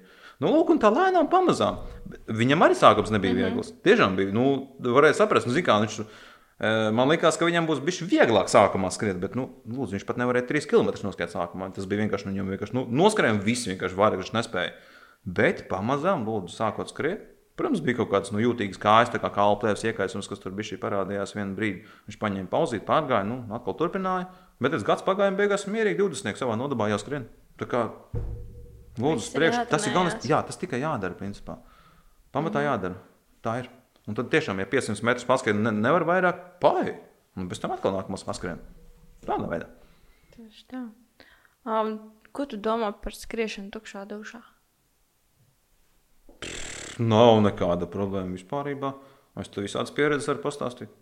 Tu pats, pats skrien tukšā dušā. Es Ah, esmu- nē, tos, tos maratonu gāja tukšā dušā. Jā, Jā, un uz pusmaratona es gāju Bet tas nav tas labākais. Bet es uh, neslikti nos... Nē.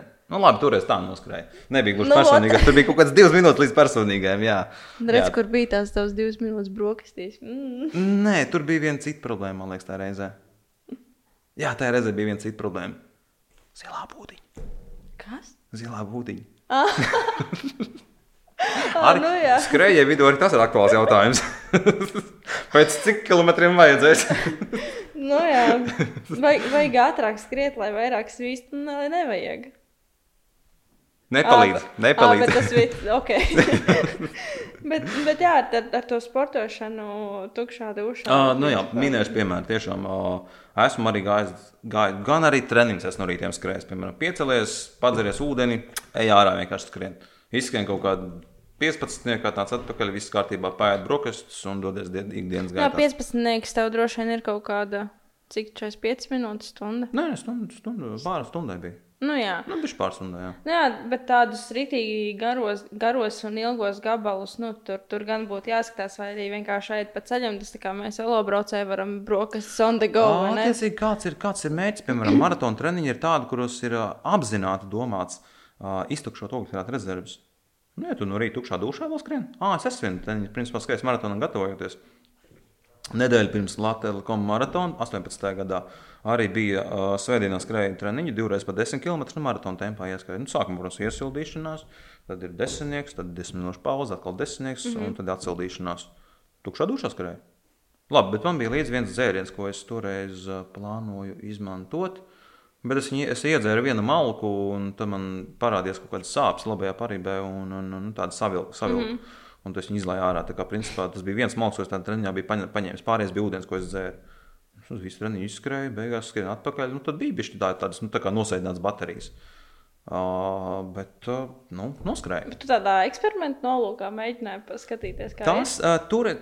Vienkārši tāpēc, ka ir reizes, kad es tiešām labāk eju ar tukšā dušā uz startu. Mm -hmm. Jo redz, ar, ar, to, ar to ēšanu pirms treniņiem uh, baigi jāizvēlās.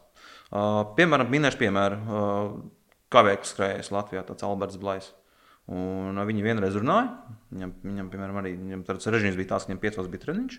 Viņš jau pa dienu universitātē, viņš saka, viņš universitātē 12. Nu, līdz, līdz vienos tajā, tajā pauzē pāri. Un līdz pieciem vispār neko mm -hmm. nē, pilnīgi neko. Viņš saka, tas uztais treniņš, pēc tam vakarā pēta, kad man nonāk mājās. Es domāju, kā tur izturēt, tu visu dienu bez ēšanas? Viņš saka, viss kārtībā. Nu, lūdzu, bet uh, tur jau tā lieta, ka uh, tad, kad tev tas zarnu traks ir tukšs, un principā arī kuņģis ir kā, nu, gan izdevies pilnīgi tukšs. Tev nav tā izsaukuma sajūta, bet tu vienkārši esi tāds, nu, nē, es piepildīts. Mm. Uh, tad vieglāk skrienās. Tu vari dabūt to vieglumu, principā ārā to maksimumu. Un tas pats ir arī ar sacensībām. Arī. Ja tu būsi pieejams, nezinu, vēl no rīta tur kūciņš stums iekšā vai vēl kaut ko, nu, tad uz sacensībām aizēja tāds - stenēdams. Nu, nebūs diezgan pareizi. Bet tāpat laikā, kad tu esi iepriekšējās dienas kārtīgi uzlādējies, sestdienā ēdis normālu porciju daudzumu, bet nu, vairāk ogļhidrātus un, un, un, un nu, normāls, normālu porciju daudzumu, tad svētdien no rīta pamosties.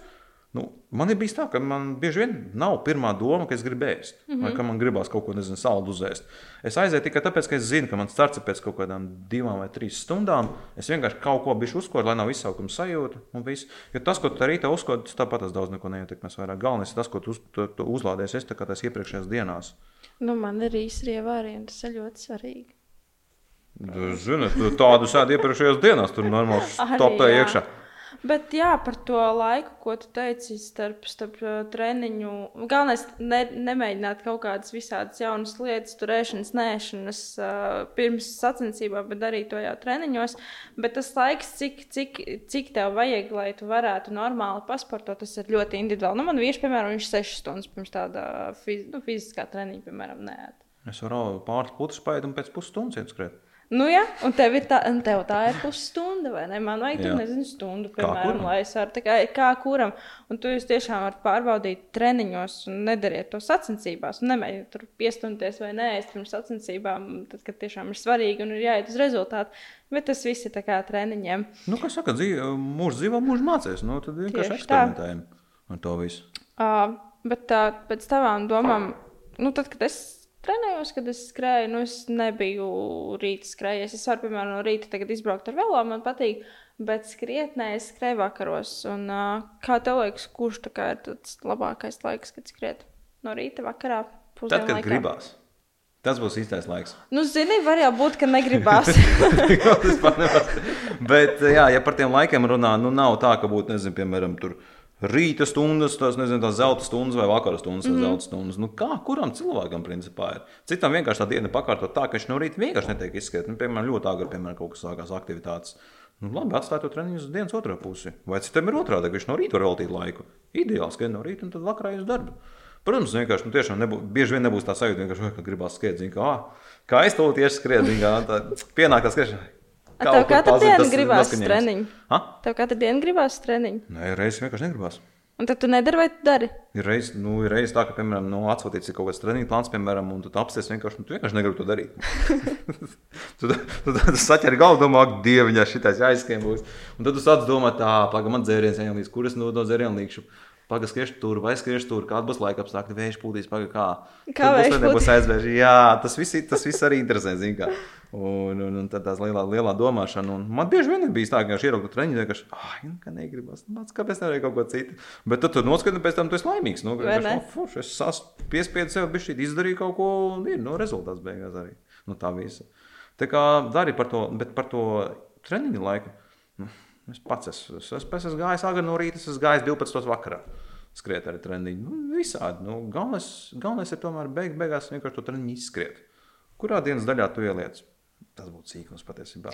Kaut, kaut kur bija kaut kāda bildīga, ne, ne no zinātniskās literatūras, ka tie tur skrien no rīta, tad tur vairāk ir tas, ja tu skrien vakarā, tad vairāk ir tas. Bet es, es, es tik tā, toreiz kaut ko Nu, no bet- hormonu līmeņa kaut kāda, kas Jā. tur svārstās, piemēram, nu, attiecīgi tajā uh, diennakts periodā.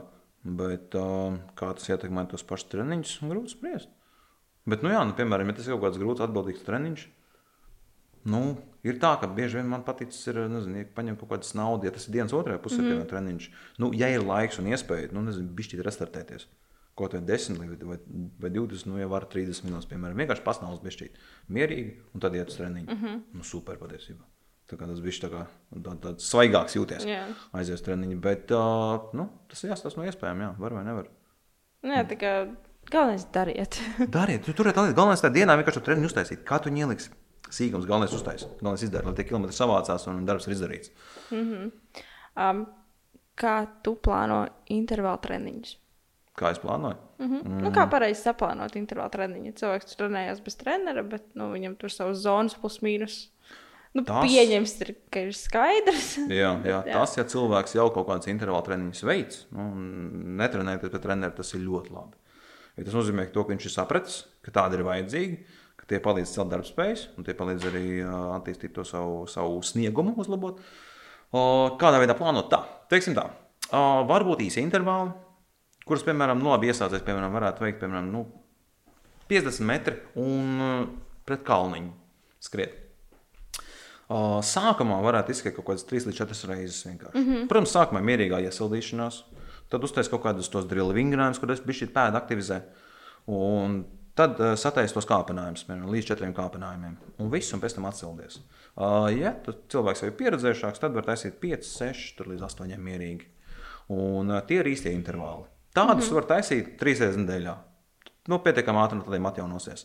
Bet, ja ir kaut kāds garos intervāls, piemēram, iet stadionā kaut kāds 400 metrus vai 500 metrus vai pa kilometriem, ir kaut kāds kāpinājums, vairākas reizes atkārto, ar kaut kādu pauzi. Uh, un, ja tie ir intensīvi, uh, tad tādus var ielikt tikai maksimums divas nedēļā, lai paspētu kārtīgi atjaunoties. Un arī skatoties no tā, kā cilvēks panes to slodzi, varbūt ka pat kādreiz ar vienu pietiek, un beigās tikai nedēļas otrā pusē kaut kāds tempas skrējiens vai garāks skrējiens. Nu, un katrā viss. ziņā ne katrs treniņš tāds, vai ne? Nu, nebūs efekta. nebūs vienkārši. Tāpēc, ka katrs treniņš eh, pazemina darbspējas. Un šīs, šīs darbspējas mums atjaunojās uh, katra savā laikā. Un ir tā, ka vajadzīgs ir laiks, lai tas at, lai atjaunotos. Un tur tā lieta, ka šis darbspējas atjaunojas līdz tam līmenim, kāds mums bija pirms treniņa, un nedaudz ar uzviju. Un ja mēs trāpām tajā īstajā punktā, kad šīs darbspējas atjaunojušās ar uzviju, mēs varam atkal uzlikt lielāku slodzi virsū. Atkal darbspējas samazinās, un šādā veidā atjaunojās, atkal nedaudz ar uzviju, un ja mēs trāpām īstajā brīdī, mums ir darbspēja, mm. darbspēja izaugsme. Ja mēs trāpām ne īstajā brīdī, mēs stāvam uz vietas vai meklējam. Kāpjam bedrē iekšā. Es, es īstenībā varētu šeit pateikt komplimentu gan savam vīram, kurš man trenēja, lika, lika treniņus pusmaratonu, gan tagad, jo es, man liekas, visu laiku trāpu. Man ir Ļoti tāda labi. aizdevuma, ka es visu laiku trāpu. Ja tu izdevies treniņu, jūties tam treniņam gatava, principā, ja tas ir intervāla treniņš, tad tu esi trāpījis. Bet tu piekrīti, ka izturībnieks visu laiku īstenībā ir bijis tāds saguris. Saguris? Nu, tāds ir tāds. Nu, nav tā, ka tu visu laiku tāds baigi fresh. Uh, nu, ja tu gatavojies kaut kādam startam nopietni un ir nopietnas slodzi, Nu, tad, sezonā. Tad, tad varētu būt ne? nedaudz. Ir, jā, jā, protams. Visu laiku kaut kas kaut kur ka bija kaut kas Jā, stīvāks. jā, jā. tāds, Jā, tur pie fizioterapeita atkal jāaiziet, tur ir masāža vajadzīga, vēl kaut kas. Nu, tas ir normāli. tas ir pilnīgi normāli. Gatavošanas procesā fizioterapeits ļoti labs draugs. Jādraudzējās ar tādiem. Ir. Protams. Um, arī jautājums, kā trenēt sirds izturību, lai ar laiku varētu skriet ātrāk ar zemāku pulsu. Vienkārši skrienot. Tas, ko tikko, tas, ko tikko runājām. Uh, vajadzīga araba aktivitāte, ja mēs uh, skrienot, nu, piemēram, pulsu uzreiz ir augšā, tiešām varam pārslēgties uz riteni sākumā, vienkārši pamīties ar riteni. Uh, tā- labi atvainojiet. Es zinu, ka šī tā frāze tagad tev kaitina tiešām. labi, par, skri, par velo jautājumiem, lai. Kas, Kristīna? es izteikšos par skriešanas jautājumiem. Mēs te negribam. Mēs tam akmeni otrā lauciņā vai kaut ko aizskart kādu. bet jā, bet uh, vienkārši tas, ka riteni var izmantot. Uh, nu, sama- samainīt pret skriešanu ā, tādos gadījumos, kad skrienot ir tiešām augsts pulss un tu viņu īsti nevar dabūt zemē. Jo skrienot ieslēdzas ātrās muskuļu šķiedras un tās producē laktātu. Un, mums, ja mums lēnās muskuļu šķiedras nav pietiekami attīstītas, lai šo laktātu neutralizētu, ā, un viss tā organisma buferu sistēma nav eh, attīstīta, tad uh, mums laktāts ātri vien uzkrājās un tas, tas skābums palielinās un, un veidojas tas nogurums. Tāpēc kaut vai uh, mierīgi braucot ar riteni, mūsu pulss būs zemāks. Līdzvērtīgā slodzē mūsu pulss būs zemāks uz riteni nekā skrienot Tieši kaut tā. kādas savas desmit sitienu. Un, uh, jo tur netiek ieslēgts ātrās muskuļu šķiedras, tad darbojas tikai lēnās. Un, uh, tādā veidā mēs varam panākt to, ka mēs varam to aerobo darbu veikt, bet uh, nu, vēl aizvien atrasties, piemēram, ap to aerobo slieksni. Jo ir divi sliekšņi. Ir aerobais slieksnis un anaerobais slieksnis. Tātad līdz aerobiem slieksnim mūsu aktivitātes, aktivitāšu laikā ķermen, ķermenī šis skābums samazinās, laktāts. Un, uh, no aerobās sliekšņa sākot līdz anaerobais slieksnim, tas nedaudz pakāpeniski pieaug. Un tad, kad sasniedz anaerobo slieksni, laktāts strauji iet augšā. Tad pieslēdzās ā, ātrās muskuļu šķiedras, un, un, un tie visi ir tur jau anaerobā glikolīze notiek un tādi procesi. Bet doma ir tāda, tad ap to aerobo slieksni, tajā intensitātē, kuru aktivitāti mēs varam dabūt, tad to arī mēs, mēs izmantojam, un tur mēs ar to sirdi trenēsim, Jā, tur mēs to tāpēc- izturību trenēsim. Jā. Nu, labi, neteikšu vairāk pamīties. Te, te bija tas gan par to, par to iešanu, kuram ir iešana, kuram jau ir skriešana. Un, un, Jā, tikpat labi nojošana. Tikpat labi tā tā. arī. Tur arī mierīgi var būt tā, ka tu nojojot, vienkārši sasniedz atkal tādu pulsu, kas tev ir vajadzīgs tieši tā izturības trenēšanai. Lūdzu, tu to dari. um, te bija arī jautājums par tevi, cik, cik kilometrus tu noskrēji gadā. Bet es domāju, drīzāk ir nevis kilometri, bet stundas Stundas. gadā. Cik tā sanāk treniņi? Nu, skriešana tieši. Es pat neesmu gada, gada griezumā nekad tā skatījies, tāpēc ka es vienmēr skatos īsākā, īsākā laika Nu, griezumā. mēnesī, Uh, nedēļā. nedēļā. Pa nedēļām skatos. Jā, nu cik tev ir nedēļā stundas?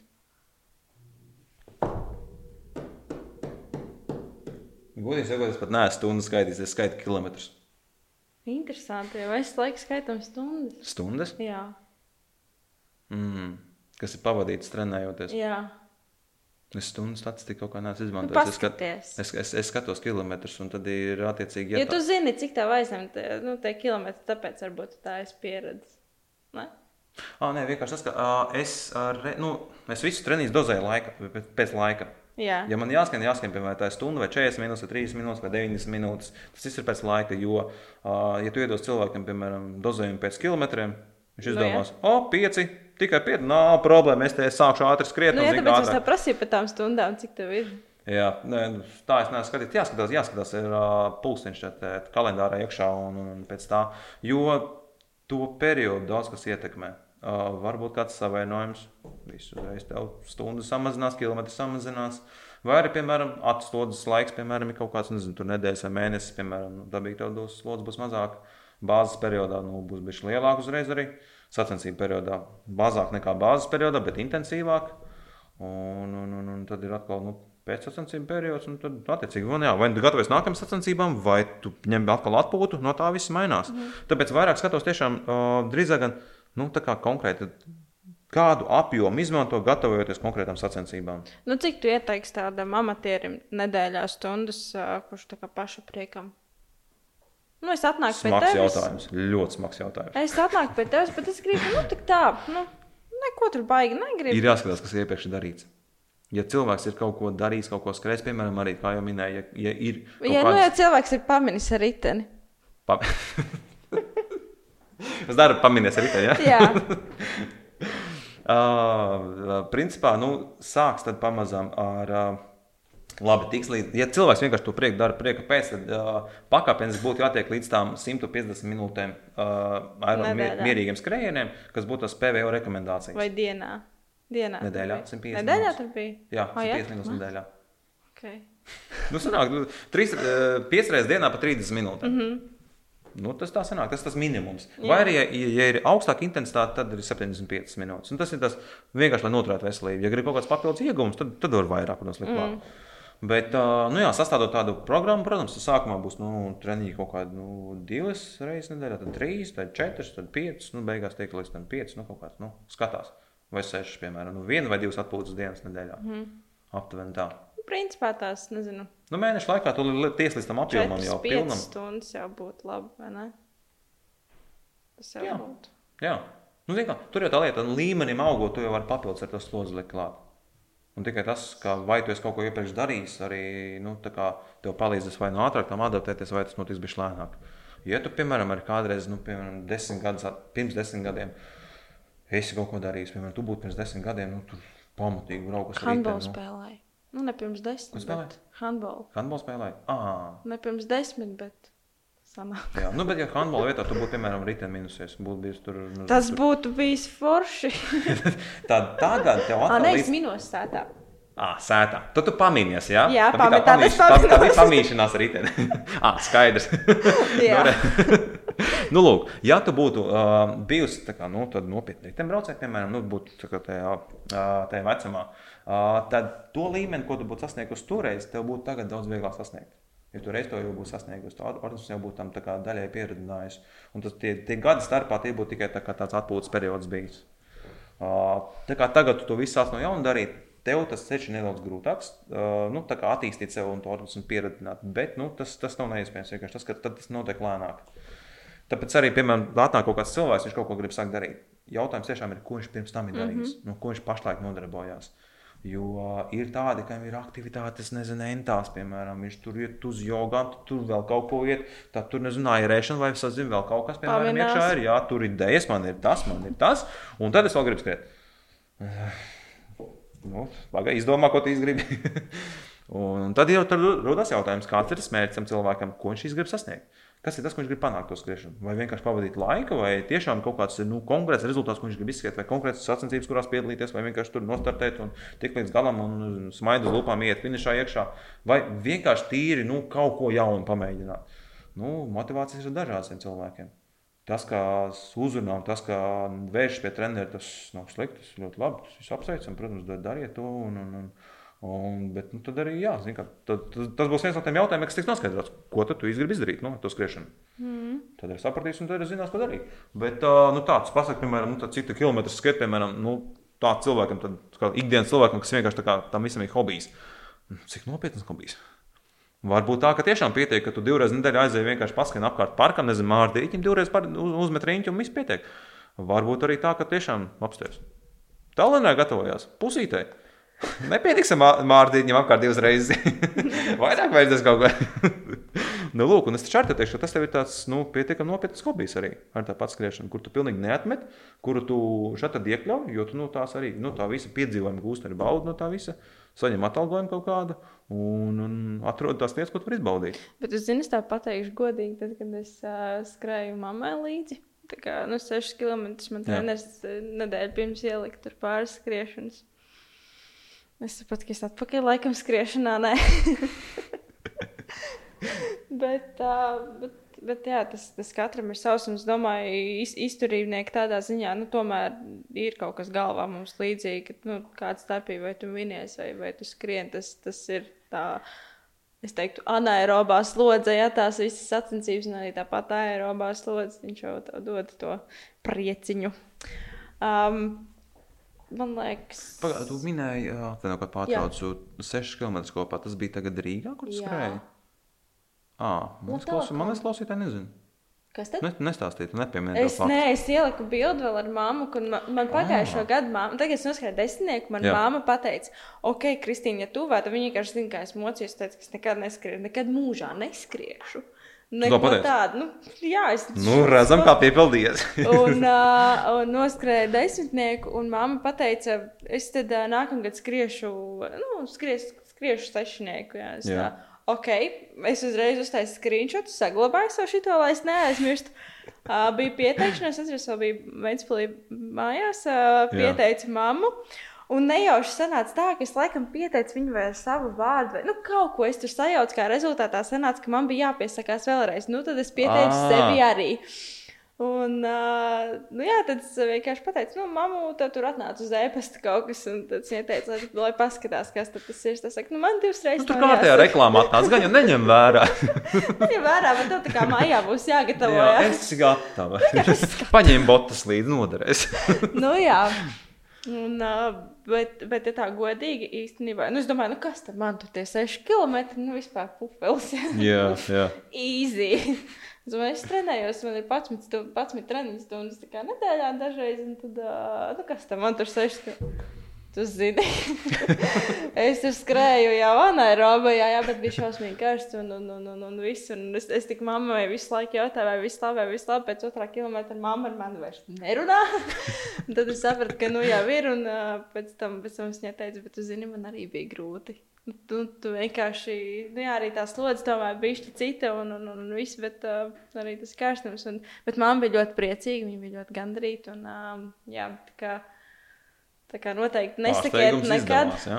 Pārsteigums izdevās, jā, un, un, un viņi turpina to darīt. Tagad tēvs vēl ir pavilcies. Ah, kā- tur redz, ko apsties. Nu, Jā. nu, nu vispārībā, nu. Jā, Pagum, jā, pirms jā. tam skrēja arī vai neskrēja? Kas tad? Tēvs un... un- Ā, teicu, jau tikai tagad nesen ir sācis. Jau, nu, klausies, Bet viņš nu. handbolists ir, viņš pie veterāniem spēlē, un treneris arī bijis handbolā, tā kā viņam ir jau kaut kāda. Ah, tāpēc tas handbols vienībā, Nu, jā, ne? Ah, skaidrs, nu jā. Tā kā es domāju, ka tu arī noteikti ļoti daudz uh, iedvesmo darīt, un, un, un, un vienkārši ir jākustina, ir jārunā par to. Daudz vienkārši skatās. Es nesaprotu, ko tas skriešanā esi atradis. Nu, Skatās tādu izmisumu, vienkārši. Ko var, ko var skriet? nu, kā Vai tu ne? beidzi? Uh, jā, es zinu šo sajūtu. Tāpēc, ko, nu, ko tu vari pamīties tur, nu, ko tu vari mīties ar to riteni? es vienreiz gāju cauri tam akācijas ciematam, kur, kur es dzīvoju. Un, un parasti tur neskan, bet vienkārši izskan vienreiz cauri. Un, un tur tāds mazs puisītis, kurš nu, tur savā starpā rotaļājās, viņi tur tā apstājās, pastāstīs man, tu skrien tā kā meitene. es domāju, nopietni, tev nebija nekā cita, ko pateikt. Ja? tu skrien tā kā meitene. Tu, tu pas... Pasaka atšķirība. tu pēc tam papētīsi savu skriešanas tehniku. ne? Es pēc tam tā aizdomājos, pagā, kā tā meitene skrien, kas tur savādāk skrien. No, tu tā skrēji?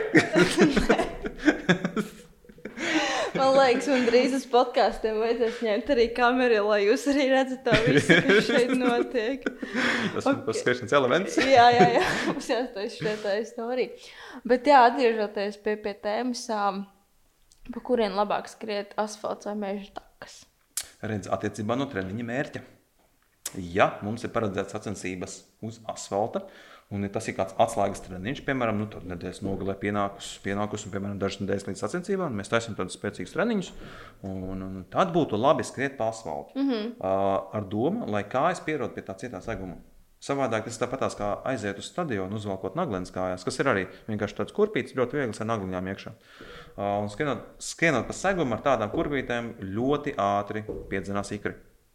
Un, ja iepriekš sacen, nu, treniņos nav skrietis ar šīm naglinēm, sacensībās būs vienkārši pirmie kilometri, un jau kājas ir beigtas lupatās, un tev vēl trīs palikuši, un tu nezini, ko darīt. Mm -hmm. Tāpēc ir vienkārši, lai pieradinātu savu organismu, tev ir jātrenēs tajā vidē, kur tev būs sacensības. Tāpēc arī daudz tie orientieris brauc uz, nu, uz tādu uh, vidi, kas ir līdzīga būs sacensībās. Piemēram, arī ja tur ir kaut kāds uh, ļoti reliefains vieta, brauc uz tādu vietu. Ja tur ir akmeņaina vieta, brauc uz kādu akmeņainu, vietu. Tikai tīri, lai pierastu pie saguma. Uh, bet, bet lielāko treniņu daļu būtu jāveic tomēr pa mīkstu segumu.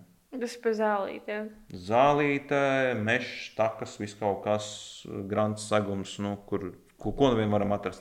Protams, ja dzīvojam pilsētas centrā, nu, tas būs sarežģītāk, bet nu, vienmēr pastāv iespēja kaut kur. o, tas ir viscietākais segums. Betons, bruģis, betona plāksnes un bruģis tas ir visstingrākais, kas var būt.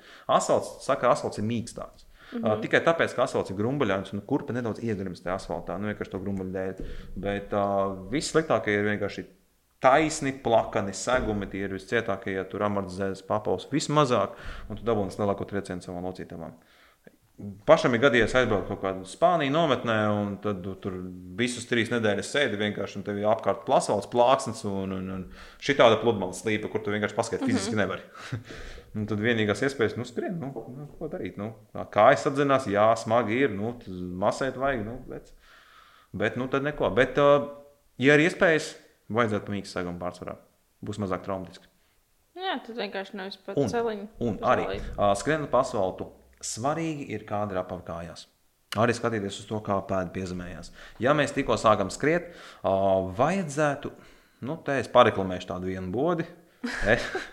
E, Reklāma. um, SPB būda, kas ir Krišāna Barona ielas un Tallinas ielas stūrī. Uh, tur puiši veids pēdas testu. Ja nemaldos, toreiz maksāja vēl 7 eiro. Es nezinu, ka ir kaut kas mainījies, vai nav mainījies. Tev slīdus viņi vienkārši liek paskriet ar basām kājām, apstāst kā to pēdu, piezīmēs un pēc tam piemeklē apavu, uh, kas attiecīgi šo gaitu izlīdzina. Ja tu skrieni ideāli, nav problēma iedot neitrāls apavs. Ja tev ir kaut kāda pronācija vai vēl kaut kas, vai supinācija, tad attiecīgi tev iedod apavs, kas to bija iztaisno. Ja sāk skriet, tad tas ir svarīgi. Principā, mm. lai neiedzīvotos kaut kādus savainojumus, ahilētas īpslas vai vēl kādas iekaisumos. Uh, Bet, nu, ja skrien gadiem, jau tad patiesībā, zin, kā, kā, kā es to pārdevēju, runāju, viņš saka, ka tur visādi kādi ir kāpuši Kedām. Kedām. Kedām. Nu, ka, visu pamatu, ko pagāja manā kedām.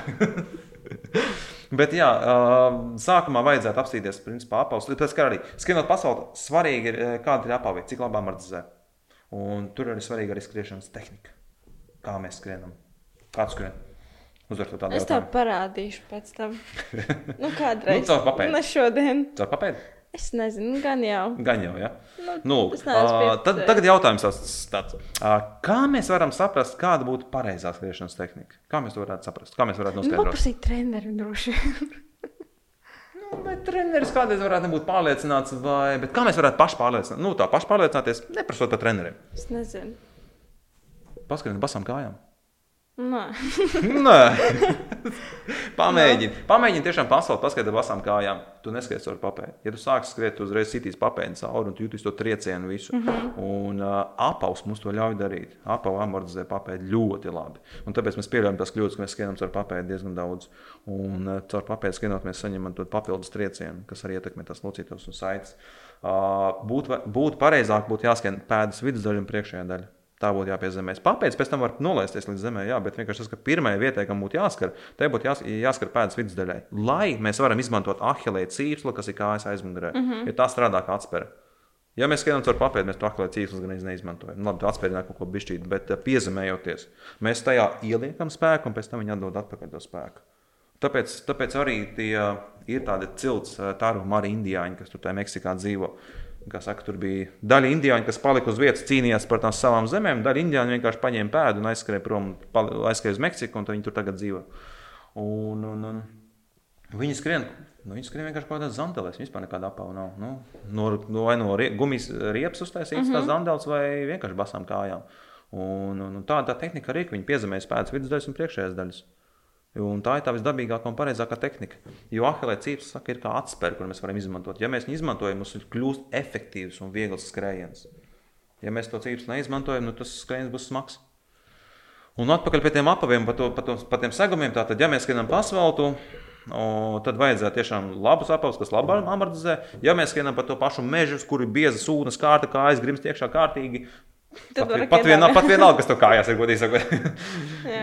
Tad tur tiešām ir. Un, un, un, un, jā, bet, ja, ja pasaulē bruģi, tad mums vajadzīga labā amortizējoša apava. Un, ja mēs sākam skriet, tad labi ir uztaisīt kaut kādu pēdu testu, arī apsīties, kas ar tām pēdām notiek, lai vienkārši piemeklētu pareizes apavus, kas mums to pēdu nostabilizētu. Bet nu, cik, cik kilometriem tu ieteiktu vienas botas?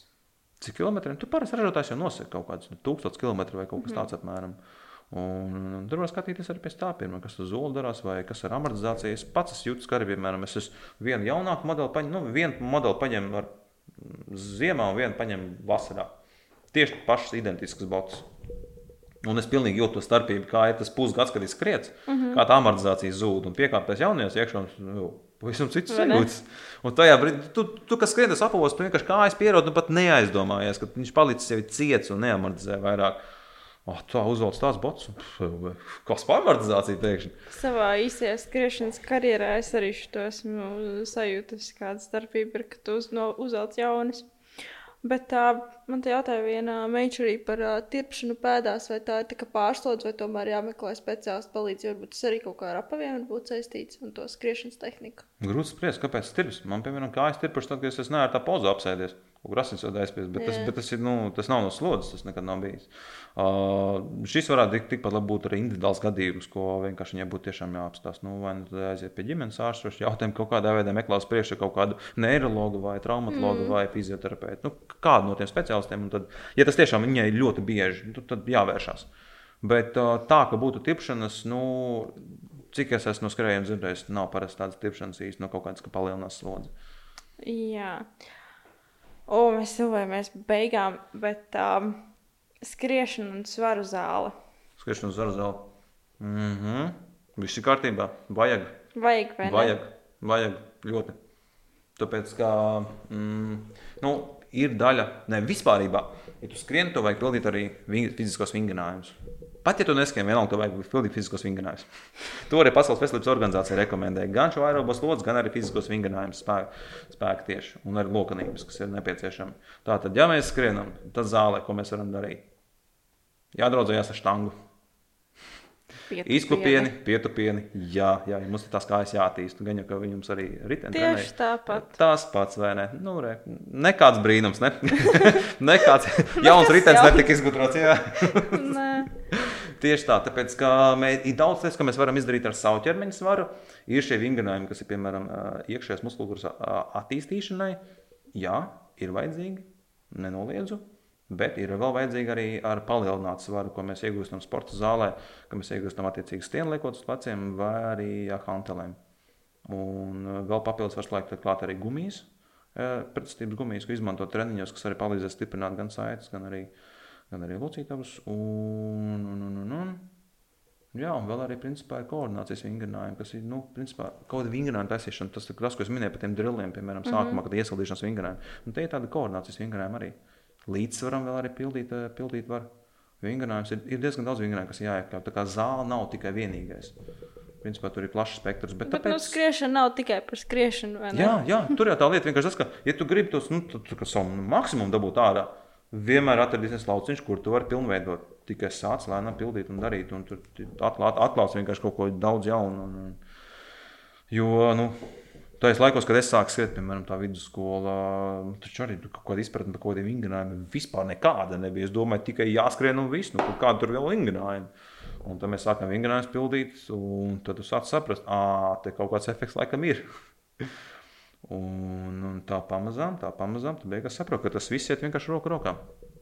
Tas pats, piemēram, arī muguras sāpes, ar kuriem daudz sūdzās.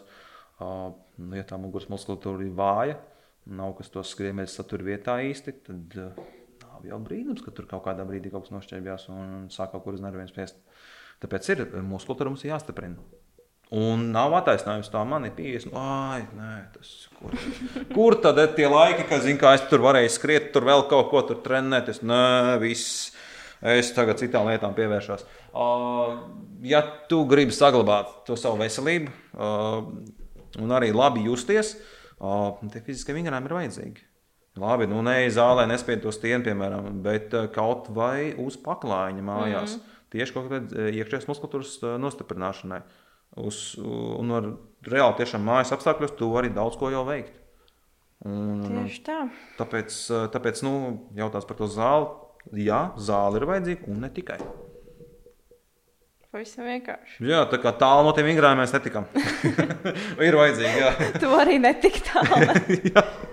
Zini, kā nebūs tas treneris, kas pasakā, ah, priekš kā, nē, ko tur, ko tur ies iesprings uz zāli, zini, kāds skrien tikai. Sāp kā es turpini skriet, skriešana tevi dziedēs. Bet šitos es patiesībā dzirdējis esmu.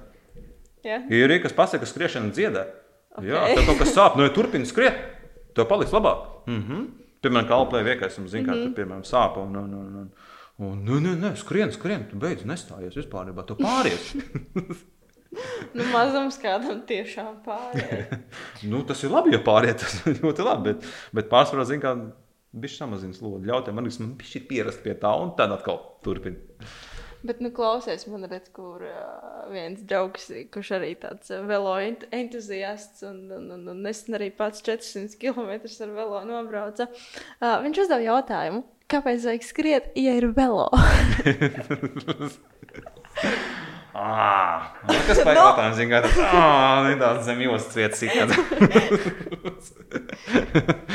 tā, kāpēc vajag skriet, ja ir velo? A, ko darīt, ja nav velo? nu, es nezinu, bet, ja ir velo, kāpēc, kāpēc skriet, ja ir velo? Uh, es teikšu tā, mm, skatoties no tā, kāds ir mērķis. Ja mērķis ir attīstīt, attīstīties maksimāli, sev attīstīt uh, riteņbraukšanā, jā, tiešām, kāpēc skriet, ja ir velo? Bet Un šito, un vis- un šito paliekam. pietiek, viss. Paldies, Jāni, par Pārējais sarunu. beidzam. Durvis atver. Tā, lūdzu, viss, jā. Čau. Man pietiek šo frāzi. Varu pateikt sākumā, jo. Bet, uh, ja tava doma ir, piemēram, uh, izbaudīt dzīvē daudz ko, kāpēc nepaskriet? Kāpēc neizbaudīt to uh, neatkarību, ko tev dod skriešana, ka tu vari mainīt segumus, mainīt vides, mm -hmm. uh, neatkarīgi no tā, nu, ritenis tomēr kaut ko pieprasa. Nu, labi, ir tie kalnu MTB riteņi, kur tu vēl pa kaut kādām takām un gravām. Bet, nu, klausies, nu, pilnīgi vertikālā. Tu kājām kaut kā tiks augšā, arī ten tu vairs netiks augšā. Bet es zinu, tagad tikko Spānijā bija tieši viens uh, kalns. Es, es gan nebraucu, cik es biju pirmā reize Spānijā, uh, bet bija 30% kāpums. Jā. Un uzbrauca.